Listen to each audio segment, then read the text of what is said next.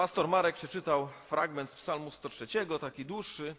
Ja bym chciał to dzisiejsze okolicznościowe kazanie związane z Konstytucją 3 maja e, rozpocząć od wersetu drugiego z tego psalmu. Jest tam powiedziane Błogosław duszo moja Pana i nie zapominaj wszystkich dobrodziejstw Jego. I nie zapominaj wszystkich dobrodziejstw Jego. I chciałbym, żebyśmy właśnie to wezwanie, aby nie zapominać Bożych dobrodziejstw, Bożych błogosławieństw, również odnieśli do tej dzisiejszej rocznicy. I chciałbym też od samego początku powiedzieć, bo będę mówić o różnych sytuacjach i różnych kontekstach Konstytucji 3 maja, więc chciałbym od samego początku powiedzieć, że uważam ją za błogosławieństwo. Też różne tematy dzisiaj się gdzieś tam, nawet jak jechałem samochodem, to no różne to nie jest taka jednoznaczna zupełnie e, historia, bo tak naprawdę mało rzeczy jest jednoznacznych. Kiedy jest, są one związane z nami, z grzesznymi ludźmi, co innego z Bogiem. Ale kiedy z nami coś jest związane, zawsze można jakiś cień znaleźć. Jakbyśmy tego światła nie ustawili, gdzieś ten cień będzie padać. I myślę, że nie inaczej jest też z Konstytucją 3 maja. Natomiast chciałbym, żebyśmy wyciągnęli wnioski żebyśmy wyciągnęli wnioski. Myślę, że tych wniosków można, patrząc na to, jak, jakie to wydarzenie było, patrząc na Pismo Święte, patrząc na zasady, które widzimy w Piśmie Świętym, myślę, że bardzo dużo lekcji możemy wyciągnąć właśnie z Konstytucji 3 maja. E, ale właśnie w tym kontekście niezapominania wszystkich dobrodziejstw Bożych. Przy wszystkich cieniach, jakie jakie one rzucają zawsze. A więc co sobie dzisiaj przypominamy? Przypominamy sobie dzisiaj pierwszą w Europie, i to jest ważne, to jest ważne, bo to oznacza, zwróćcie uwagę, że skąd konstytucja przyszła? Z Nowego Świata. Pierwsza konstytucja była na świecie w Stanach Zjednoczonych. A więc można powiedzieć właśnie w takim miejscu, którym y, tych korzeni jeszcze tak mocno te społeczności, te, te społeczeństwa nie, nie zapuściły. One były gotowe do pewnych zmian, były gotowe, żeby coś nowego wprowadzić, ale zwróćcie uwagę, że my również jako kraj w tym momencie, o czym zaraz będę mówił, byliśmy słabi i też potrzebowaliśmy jakby korzenie na nowo zapuścić w coś, co, y, co będzie nowym, świeżym, mocniejszym, bardziej odważnym, można powiedzieć, jeśli chodzi o perspektywę naszego kraju. A więc pierwsza w Europie, druga w świecie konstytucja, 3 maja 1791 rok, 229 e, rocznica w tym roku. Ale przechodzimy teraz do takich właśnie, można powiedzieć, e, cech tej konstytucji, które no, różnie mogą być oceniane. Ograniczała demokrację ta konstytucja. Oczywiście mówimy o demokracji szlacheckiej w tamtych czasach, jeśli chodzi o na przykład prawa dla mieszczan, dla chłopów, to trochę się ci szlach, e, e, szlachcice dzielili tymi prawami, no właśnie z chłopstwem, z mieszczaństwem, no ale zabierała ta e, konstytucja prawo głosu szlachcie bez ziemi. Dodam, ona często bardzo była przekupywana przez naszych sąsiadów, głównie Rosję, no ale ten problem pozostaje, dzisiaj też jest chyba aktualny. Zmieniała ustrój na monarchię dziedziczną to, co było takim naszą chlubą przez tak wiele, wiele lat, ta konstytucja mówi, no nie, z różnych przyczyn znowu, yy, ale taka, taka była właśnie propozycja zmian yy, prawa. W końcu w zasadzie konstytucja była wprowadzona nielegalnie. Też się o tym za dzisiaj za często nie mówi. Król, który panował, Stanisław August Poniatowski w 1764 roku, czyli 35 lat wcześniej, trochę się musimy cofnąć, popatrzcie, pewien kontekst jest konieczny, ale tak samo dzisiaj, kiedy mówimy o naszej sytuacji, to musimy przynajmniej do 1989 roku się cofnąć, jak nie wcześniej. Czyli też zwróćcie uwagę, wtedy też ta konstytucja w jakimś momencie dziejowym się wydarzyła i z jakichś przyczyn się została podjęta. A więc król, który panował, Stanisław, Stanisław August Poniatowski, został wybrany przy poparciu Rosji i Prus. E, to był ich człowiek. Ich interesy miał zabezpieczać w Królestwie Polskim. Od 1768 roku Polska staje się protektoratem Rosji, a więc cztery lata później. Co to znaczy, że jest protektoratem Rosji? To znaczy, że de facto nie jesteśmy w pełni niepodlegli. To oznacza, że de facto tak naprawdę żadnych zmian w ustroju Polski Polacy sami bez zgody Rosji uczynić nie mogli. I to było prawo. To było szkodliwe prawo dla Polski, ale prawo. Stąd zaraz po tym y, wydarzeniu pojawiła się Konfederacja Barska, Barska, czyli powstanie szlacheckie dla obrony niepodległości Polski, które zostało stłumione przez wojska polskie i rosyjskie. W 1772 roku, właśnie na fali tego, tego niezadowolenia Rosji z Konfederacji Barskiej, y, nastąpił pierwszy rozbiór Polski przez Rosję, Prusy i Austrię. Znowu zupełnie legalnie potwierdzony przez polskiego króla i kontrolowany przez Rosję Sejm w 1773 roku. Jedyna postać, którą pamiętamy z tego czasu to Rejtan. Co zrobił Rejtan? Położył się, powiedział po moim trupie. No i co z tego można by powiedzieć? Oczywiście pamiętamy jego, nie całą resztę. Y, może, może warto, może warto w takich sytuacjach być Rejtanem. Ale spójrzmy na historię taką, jaka była.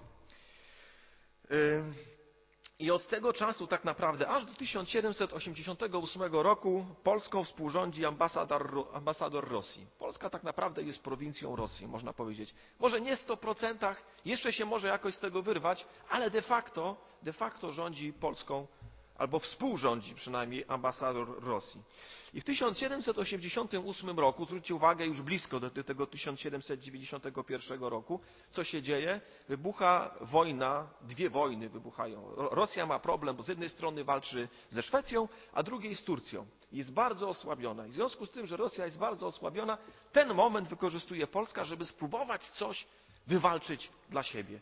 I w jaki sposób próbuje to wywalczyć? No właśnie przez rozpoczęcie Sejmu czteroletniego, który właśnie dzięki temu może się w ogóle pojawić. I Polacy zaczynają dyskutować nad tym, jak poprawić swoją sytuację. Jak, słuchajcie, ta rozmowa przebiega? No generalnie pojawia się polaryzacja stronnictw na tle braku wolnej elekcji króla. To, co mówiłem, ten najbardziej kontrowersyjny zapis, który część Polaków była przekonana, że musi się pojawić, że dla stabilności naszego kraju musimy mieć dziedziczną y, monarchię. Tak? Y, ale dla wielu to było, no jak? Przecież to jest zamach na demokrację. Nie wolno. My tacy właśnie jesteśmy, że zawsze króla wybieraliśmy. No i to było rzeczywiście, i to było rzeczywiście trudne pytanie. Bardzo trudne pytanie, ale też w bardzo trudnej sytuacji. I można by powiedzieć, że najlepszy czas jest stracony, bo tak dwa lata sobie rozmawiali o tych rzeczach i w 1780 roku Rosja zawarła pokój ze Szwecją 90 zawarła pokój ze Szwecją, czyli już z tego potrzasku się uwolniła. Dalej walczyła z Turcją, ale już nie była w tak słabym momencie, jak była. Czyli te dwa lata gdzieś, nie powiem, że zostały stracone, ale nie zostały wykorzystane. Tak na pewno możemy, możemy powiedzieć. Yy, Pracę prowadzono później, po tym 1780 roku w tajemnicy, bo uznano, że nie da rady tego wszystkiego przedyskutowywać w Sejmie, a więc była taka specjalna ekipa, która pilnowała i przygotowała to prawo, żeby w pewnym momencie je wprowadzić i czekano na właściwy moment, aby tą ustawę zmieniającą ustrój, czyli konstytucję przegłosować. I czekano, czekano i doczekano się, czy się nie doczekano? No doczekano się, ale teraz posłuchajcie, jak to prze, przebiegło. Uznano wbrew przyjętym zasadom, że należy przegłosować całość w jednym pakiecie. Czyli tak, raz, a dobrze. I już, i koniec, i jest. Celowo więc wybrano moment po, tuż po świętach wielkanocnych, gdzie liczono, że nie wszyscy dojadą, jeszcze niektórzy posiedzą w domu. Więcej, celowo umówiono się, że 5 maja będzie rozpoczęte y, obrady Sejmu, ale zwolennicy konstytucji stwierdzili, my przyjedziemy już trzeciego i przegłosujemy. Ale jak zaczęli się skrzykiwać, wtedy nie było SMS-ów, nie było komórek, więc musieli jakoś sobie te informacje podawać. Jak zaczęli sobie te informacje podawać, to przeciwnicy konstytucji też się zorientowali, że powinni być 3 maja w Warszawie. I skutkiem tego jedni i drudzy przyjechali.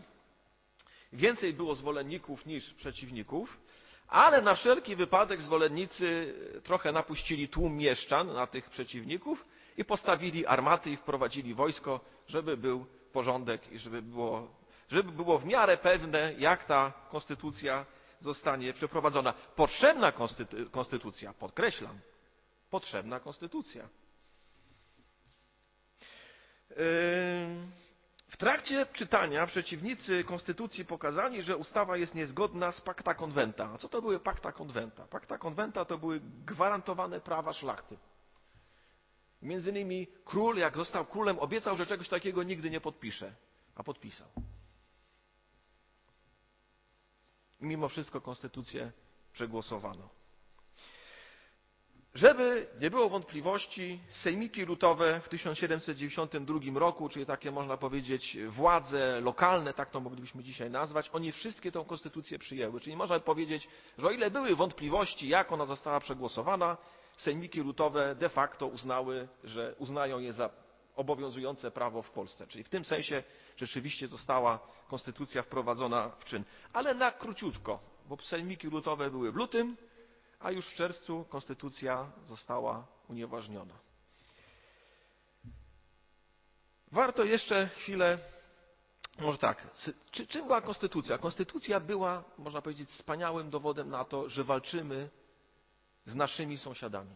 Z naszymi sąsiadami, którzy powiedzmy sobie uczciwie byli zawsze, czy w większości przynajmniej tego, 230 lat przynajmniej od tego czasu, to byli, to byli nasi, ci, ci, nasi ciemiężyciele którzy nie chcieli, żeby Polska była wolna i chcieli Polaków po prostu kontrolować. Ale jeszcze zanim do tego doszło, chciałbym, żebyśmy chwilę zwrócili uwagę na, co, na, na to, co się dało, działo dalej z konstytucją. Mianowicie 3 maja została podjęta, już 18, w, nocy, w nocy z 18 na 19 maja przeciwnicy konstytucji zawiązują Konfederację Targowicką. A czym była Konfederacja Targowicka? No była taką grupą magnatów, szlachty, którzy są zaniepokojeni zmianą polityczną w Polsce i zwrócili się na zewnątrz do carycy Katarzyny. Caryco, ratuj nas, bo nasze prawa są gwałcone w Polsce. I stąd wojna polsko-rosyjska w obronie konstytucji w 1792 roku. Co się wydarzyło? Rosjanie przyszli, król, kiedy zobaczył, że e, wojska rosyjskie są pod Warszawą, sam przystąpił do Targowicy. I tak naprawdę tym się zakończyła kariera Konstytucji 3 maja. Tarkowiczanie dziękują carycy słowami, gdy despotyzm osiadł tron Polski, na nieszczęsny naród wejrzał Bóg i Katarzyna. Tak, tak podziękowali właśnie za to, za to wydarzenie. Co się dzieje skutkiem tego? Drugi rozbiór Polski. Drugi rozbiór Polski 21 stycznia 1793 roku Rosja i Austria podpisują traktat rozbiorowy. Znowu, żeby było wszystko legalne, Y, caryca zwołuje Sejm do Grodna i 17 czerwca 1793 roku pod lufami armat rosyjskich y, Polska zgadza się legalnie, żeby było wszystko lege artis na, na ten rozbiór. Potem pojawia się jeszcze insurekcja kościuszkowska i Kościuszko. Niestety wiemy, że nieudana, chociaż był, była bitwa pod Racławicami, którą w moim rodzinnym mieście Wrocławiu ma ktoś kiedyś e, chce zobaczyć, po, polecam. Będziecie we Wrocławiu, to obejrzyjcie. Fajnie to wygląda. Chłopi, yy, szlachta, wszyscy razem stoją. Piękny symbol, taki trochę podobny do symbolu samej Konstytucji 3 maja, że jeden naród, jeden naród walczy o swoją wolność, wolność, ale ostatecznie wiemy, że co się zakończyło. Zakończyło się całość trzecim rozbiorem ostatnim Polski 24 października 1795 roku i Polska znika z map Europy do 1918 roku. Czemu powiedziałem o tym wszystkim? Czemu o tym powiedziałem? Bo chciałbym, żebyśmy, no właśnie, nie zapominając wszystkich dobrodziejstw Bożych, spojrzeli na tą Konstytucję 3 maja i pewne wnioski na dziś wyciągnęli. Zaproponuję kilka. Być może jest ich więcej, nie jestem historykiem, także wszystkich historyków proszę o wybaczenie. Być może tych wniosków można wysnuć więcej, ale z perspektywy mojej znajomości Pisma Świętego, gdzie myślę, że znam to pismo znacznie lepiej niż wielu historyków, pozwolę sobie kilka lekcji zaproponować. Pierwsza lekcja z, pierwszej, z Księgi Kaznodziei, pierwszy rozdział, werset dziewiąty. To, co było, znowu będzie, a co się stało, znowu się stanie. To, co było, znowu będzie, co się stało, znowu się stanie. Analogie do współczesnych walk polsko-polskich dla obu stron współczesnego konfliktu, naszego dzisiejszego, trudne i niepokojące, nasuwają mi się nieubłaganie. Nieubłaganie mi się nasuwają. Jakie one są, tego wam nie powiem, ale zastanówcie się. Zastanówcie się sami. Niezależnie od tego, gdzie w tym naszym polsko-polskim konflikcie jesteście, myślę, że lekcje z tego wydarzenia każda z tych stron powinna sama wyciągnąć. Sama wyciągnąć, bo każda z tych stron dzisiejszych naszych sporów myślę, że może się jakoś odnaleźć w, tej, w tych wydarzeniach, które się działy w 1791 roku. Druga myśl, która mi przychodzi, kiedy patrzę na Konstytucję 3 maja w perspektywie zasad Słowa Bożego. Nie wolno przegapić odpowiedniej chwili. Nie wolno przegapić odpowiedniej chwili. Wszystko ma swój czas. Również mówi Księga Kaznodziei, a Księga Przypowieści, dziesiąty rozdział, piąty werset mówi Syn, który zbiera w lecie jest rozumny, lecz syn, który zasypia w żniwa przynosi hańbę. Czym są żniwa? Czym są żniwa? Czasem na co? Na, na zbieranie plonów. A co się dzieje, jak nie zbieramy plonów żniwa? Poczekają te plony na nas? Do jesieni albo do zimy? Przyjdziemy zimą na pole, powiemy, no jakoś te plony nie doczekały. A przecież powinny, bo miałem tyle ważnych spraw. To nie, to, to widzimy pewien absurd tego.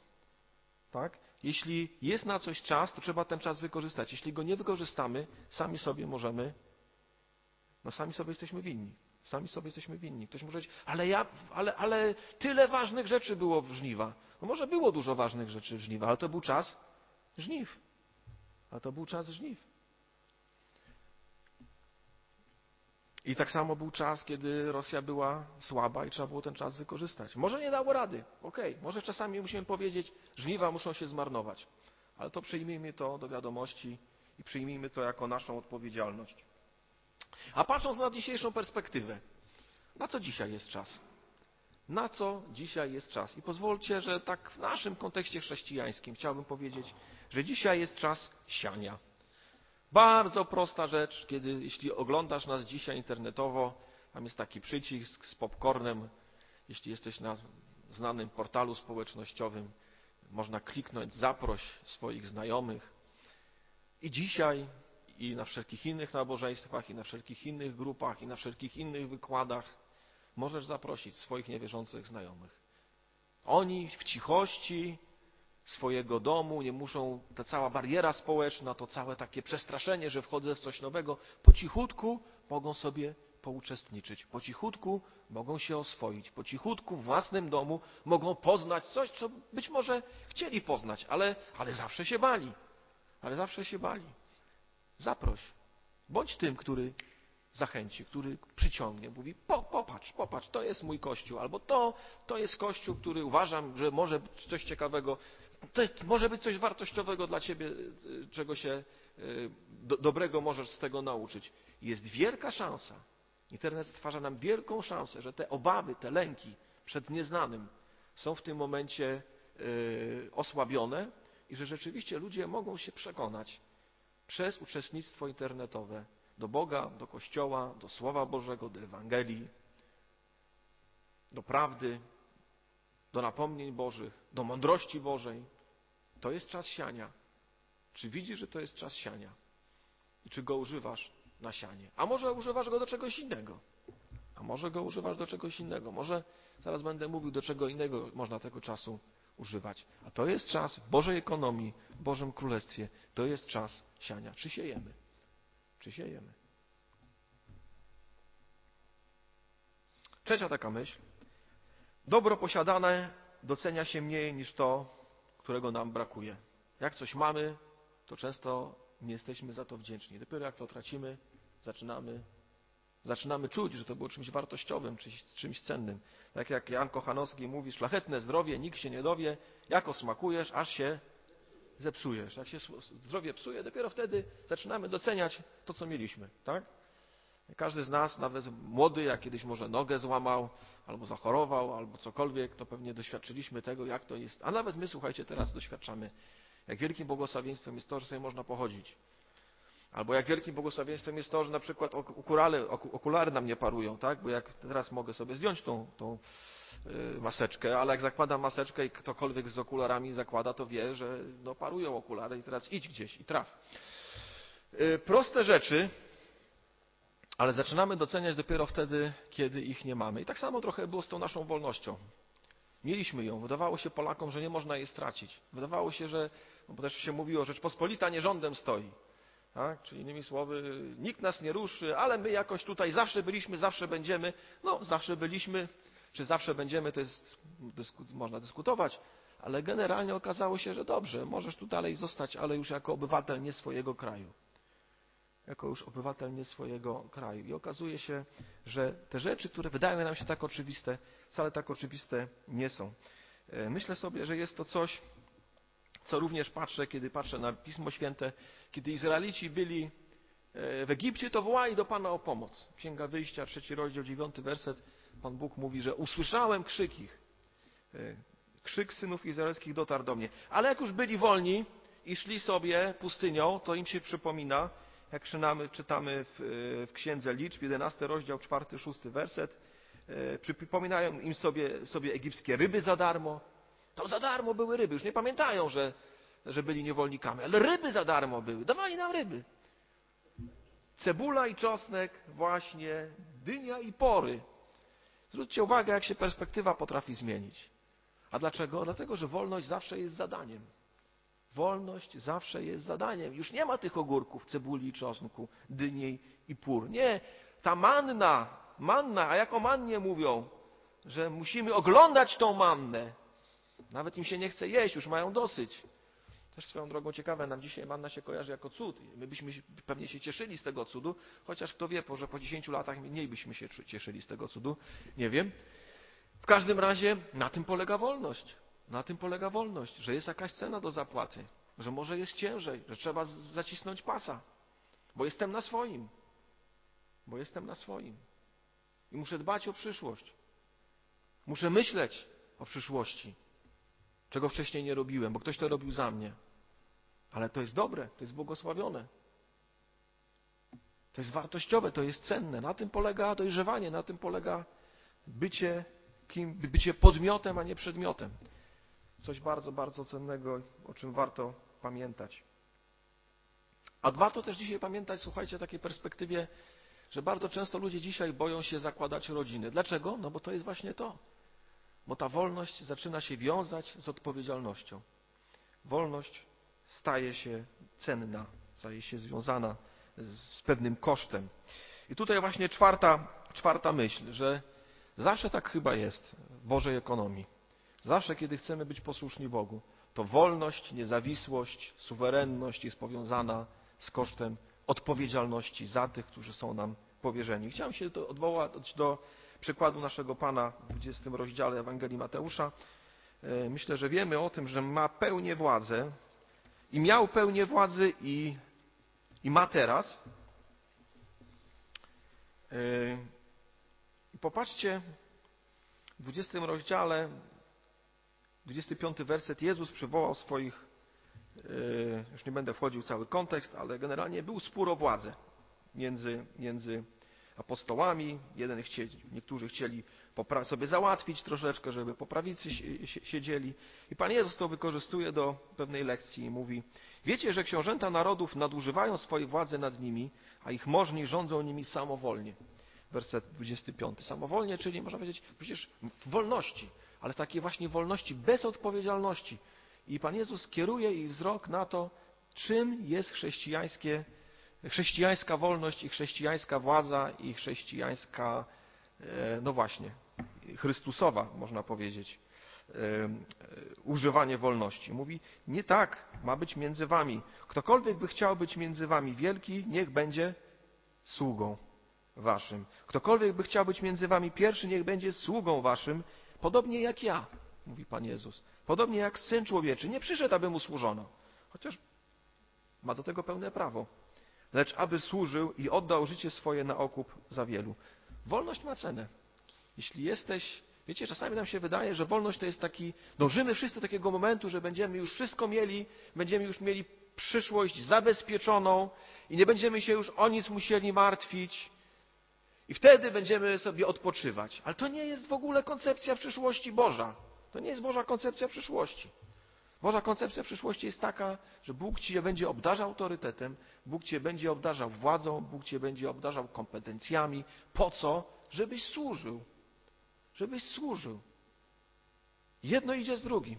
Jedno idzie z drugim. Mamy ciągle takie, myślę, mamy takie, taką, taką ideę w głowie kompletnie niechrześcijańską, że chodzi o to, żeby oni mi służyli wreszcie, kiedyś. Żeby miał święty spokój, w cudzysłowie święty. Kompletnie nie święty, ale mówimy, że święty. A więc wolność ma cenę i dzisiaj wolność też ma cenę. Jesteś wolny, ale jesteś powołany do odpowiedzialności, do troski, do poświęcenia, do ofiarności, do dzielenia się życiem z innymi ludźmi. I, I, myślę, że to jest czymś bardzo, bardzo ważnym. Piąta myśl. Piąta lekcja, mam nadzieję, z tego, o czym powiedziałem. Rzeczywistość jest złożona i pełna trudnych, nieoczywistych decyzji. Rzeczywistość jest złożona i pełna trudnych, nieoczywistych decyzji. Kim byś był w 1791 roku? Pomyśl na chwilę. Kim byś był? Stanąłbyś po stronie legalnej targowicy czy nielegalnej konstytucji? Kim byś był? Pomyśl. I słuchajcie, tak samo czasami dzieje się na kartach Pisma Świętego. W pierwszym, pierwszej Samuela, 16 rozdział, yy, dziwna sytuacja. Mamy Saula, który jest legalnym królem? Jest. Przychodzi Samuel, który ma już go serdecznie dosyć, yy, bo Bogu nie jest, się, nie podoba. I co mówi? I mówi, ja teraz namaszczam Dawida. No ale czy Dawid jest legalną władzą? No nie jest. Nawet Bożym jeszcze nie jest. On jest namaszczony, ale jeszcze to nie jego moment.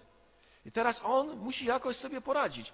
Saul jest zdecydowany. No, zobaczcie, jaka jaki dziwna, dziwna sytuacja. Kim jest Samuel? Można powiedzieć, no, niszczy yy, bezpieczeństwo narodowe. Tak? W jakimś sensie, tak można by powiedzieć. Popatrzcie. Yy, i w tym wszystkim Dawid się musi odnaleźć, musi czekać, musi dwa razy mógł zabić tego Saula, ale nie zabił. Dlaczego nie zabił? No bo nie chce zbudować porządku społecznego na królobójstwie. I chwała Bogu, bo co to by była za, za dynastia błogosławiona przez Boga, jakby była oparta na królobójstwie. Nie można na źle opierać dobra, to jest niemożliwe. Więc on pomimo wszystko czeka, czeka aż sam Bóg odwoła Saula. Skomplikowana sytuacja polityczna, moglibyśmy dzisiaj powiedzieć dzisiejszym językiem. Trudna. Trudna sytuacja. Ja bym powiedział tak, że czasami, czasami po prostu trzeba czasu, odpowiedniego dystansu, żeby umieć nazwać we właściwy sposób to, co się wydarzyło. Czasami potrzeba czasu. Kiedyś słyszałem o takiej przypowieści, nie wiem, to słyszałem, że to prawdziwa historia, że ktoś zapytał chińskiego ambasadora czy jakiegoś polityka, co sądzi we Francji, co sądzi o rewolucji francuskiej. Kiedy była rewolucja francuska?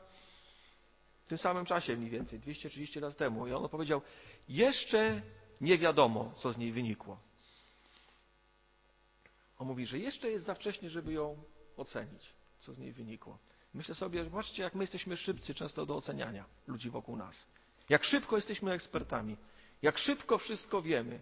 I jak szybko ogłaszamy to niestety czasami w sposób bardzo emocjonalny światu. Chciałbym nas dzisiaj wszystkich zachęcić. Nie sądźmy pochopnie siebie nawzajem. Nie sądźmy pochopnie siebie nawzajem. Nie myślmy, że wszystko wiemy. Bądźmy wstrzemięźliwi, bądźmy pościągliwi w języku. Bo naprawdę ta sytuacja dzisiaj jest złożona i skomplikowana. Nie myślmy, że my już wszystko na 100%, wszystkie niuanse, wszystkie sytuacje. Miejmy swoje zdanie. Oczywiście musimy mieć jakieś swoje zdanie, ale bądźmy powściągliwi. Nie sądźmy pochopnie siebie nawzajem. Nie myślmy, że wszystko wiemy. E, myślę, że takiej lekcji możemy się nauczyć z tej sytuacji, kiedy Konstytucja 3 maja była podpisywana. I ostatnia myśl, szósta. Miej czyste ręce i wznoś je przed Bogiem za nasz kraj. Miej czyste ręce i wznoś je przed Bogiem za nasz kraj. Chciałbym tutaj zakończyć 1 Tymoteusza 2,8. Fragment, który właśnie mówi o czystych rękach i wznoszeniu tych czystych rąk, ale w kontekście modlitwy za kraj. Popatrzcie, ten drugi rozdział się rozpoczyna od, od właśnie takiego bardzo ważnego powołania chrześcijańskiego. Apostoł Paweł mówi przede wszystkim, to jest pierwszy werset, przede wszystkim po wszystkim czy przede wszystkim? Przede wszystkim. Zwróćcie uwagę, jak bardzo ważne zadanie. Przede wszystkim. Napominam, wzywam, apeluję, nakazuje. Cóż takiego? Przede wszystkim, apostole Pawle, nam, do nas, nam masz do powiedzenia. Dlaczego nas wzywasz? Aby zanosić błagania, modlitwy, prośby, dziękczynienia za wszystkich ludzi, za królów i za wszystkich przełożonych, abyśmy ciche i spokojne życie wiedli we wszelkiej pobożności i uczciwości. Dalej mówi trochę o Chrystusie, ale wraca do tego tematu, mówi ósmy werset. Chcę więc, wtedy, czyli więc, chcę więc, aby mężczyźni modlili się na każdym miejscu, znosząc czyste ręce, bez gniewu i bez swarów. Zwróćcie uwagę, to jest dalsza, to jest dalsza część tego nauczania o, o, o tym stawaniu wyłomie jako ludzie wierzący. Mamy wołać do Boga o nasz naród. Mamy wołać o błogosławieństwo dla wszystkich ludzi. Mamy wołać o błogosławieństwo za, za wszystkich przełożonych, za królów, za wszystkich, za wszystkich, którzy w jakimś sensie mają wpływ na błogosławieństwo nad naszym krajem, nad naszym narodem. Ale jak to mamy robić? Z czystymi rękoma. Bez czego? Gniewu i bez swarów. Czy tak robimy? A może jesteśmy dokładnie tacy sami? Tak samo plujemy, tak samo pełni nienawiści, nieodróżnialni w niektórych miejscach od ludzi niewierzących? Czyste ręce. Mogę wam tutaj cztery wersety mam o czystych rękach, nie będę wam już wszystkich może czytał, ale przeczytam kilka. Psalm 24, trzeci werset. Kto może stąpić na górę Pana i kto stanie na Jego świętym miejscu? Kto ma czyste dłonie i niewinne serce. Jeśli chcesz stawiać się przed Bogiem, jeśli chcesz, żeby Twoje modlitwy docierały do Boga, no to jest pewna cena. Musisz się do tego przygotować. To się może powiedzieć, ale przez Chrystusa wszystko przychodzi. A pierwszy Piotra, trzeci rozdział, siódmy werset, co mówi do mężów? Zerknijmy na chwilę. Czy mówi do ludzi wierzących, czy do niewierzących? Pierwszy Piotra 3,7. Podobnie wy, mężowie, postępujcie z nimi z wyrozumiałością, mówi o żonach, okazujcie im cześć, skoro i one są dziedziczkami łaski żywota, a jaka jest Boża e, taki środek dyscyplinujący? Aby modlitwy wasze nie doznały przeszkody. Drogi bracie, jak nie szanujesz swojej żony i nie okazujesz jej czci, to może się zdarzyć, mimo że jesteś wierzącą osobą, może się zdarzyć, że twoje modlitwy do Boga nie dotrą. Po prostu nie dotrą, bo Bóg chce, żebyś zaczął traktować swoją żonę jak należy. Może dzisiaj też jest z żonami podobnie. Zastanówcie się, co mówię do żon. Ale popatrzcie, są takie sytuacje, kiedy Bóg mówi: Ja chcę tych czystych rąk. Ja chcę, żebyś, kiedy ty do mnie przychodzisz, kiedy wzywasz, kiedy prosisz o błogosławieństwo, kiedy stawiasz się, kiedy jesteś tym sprawiedliwym i w, tej, w tym sprawiedliwym takim namaszczeniu przychodzisz do mnie, no to miej czyste ręce. To miej czyste ręce. Ma to sens? Ma to sens. A więc miejmy czyste ręce. I z tymi czystymi rękoma wołajmy za naszym narodem, za naszym krajem. Chciałem nas wszystkich teraz do tego zachęcić. Słuchajcie, nie bójcie się. Dobrze? Powstańmy. Niech to będzie zwieńczeniem tej naszej dzisiejszej upamiętniającej Konstytucję 3 maja rozważania. Niech to nabożeństwo rozbrzmiewa wołaniem o czyste ręce, ale również i, yy, yy, ale również i i wołaniem o nasz naród. Trochę może zrobię tutaj nieporządek w porządku nabożeństwa, ale zachęcam. Nie muszą być długie modlitwy, ale zachęcam nas wszystkich, żebyśmy się modlili teraz o czyste ręce dla nas i o błogosławieństwo dla naszego narodu. Zachęcam.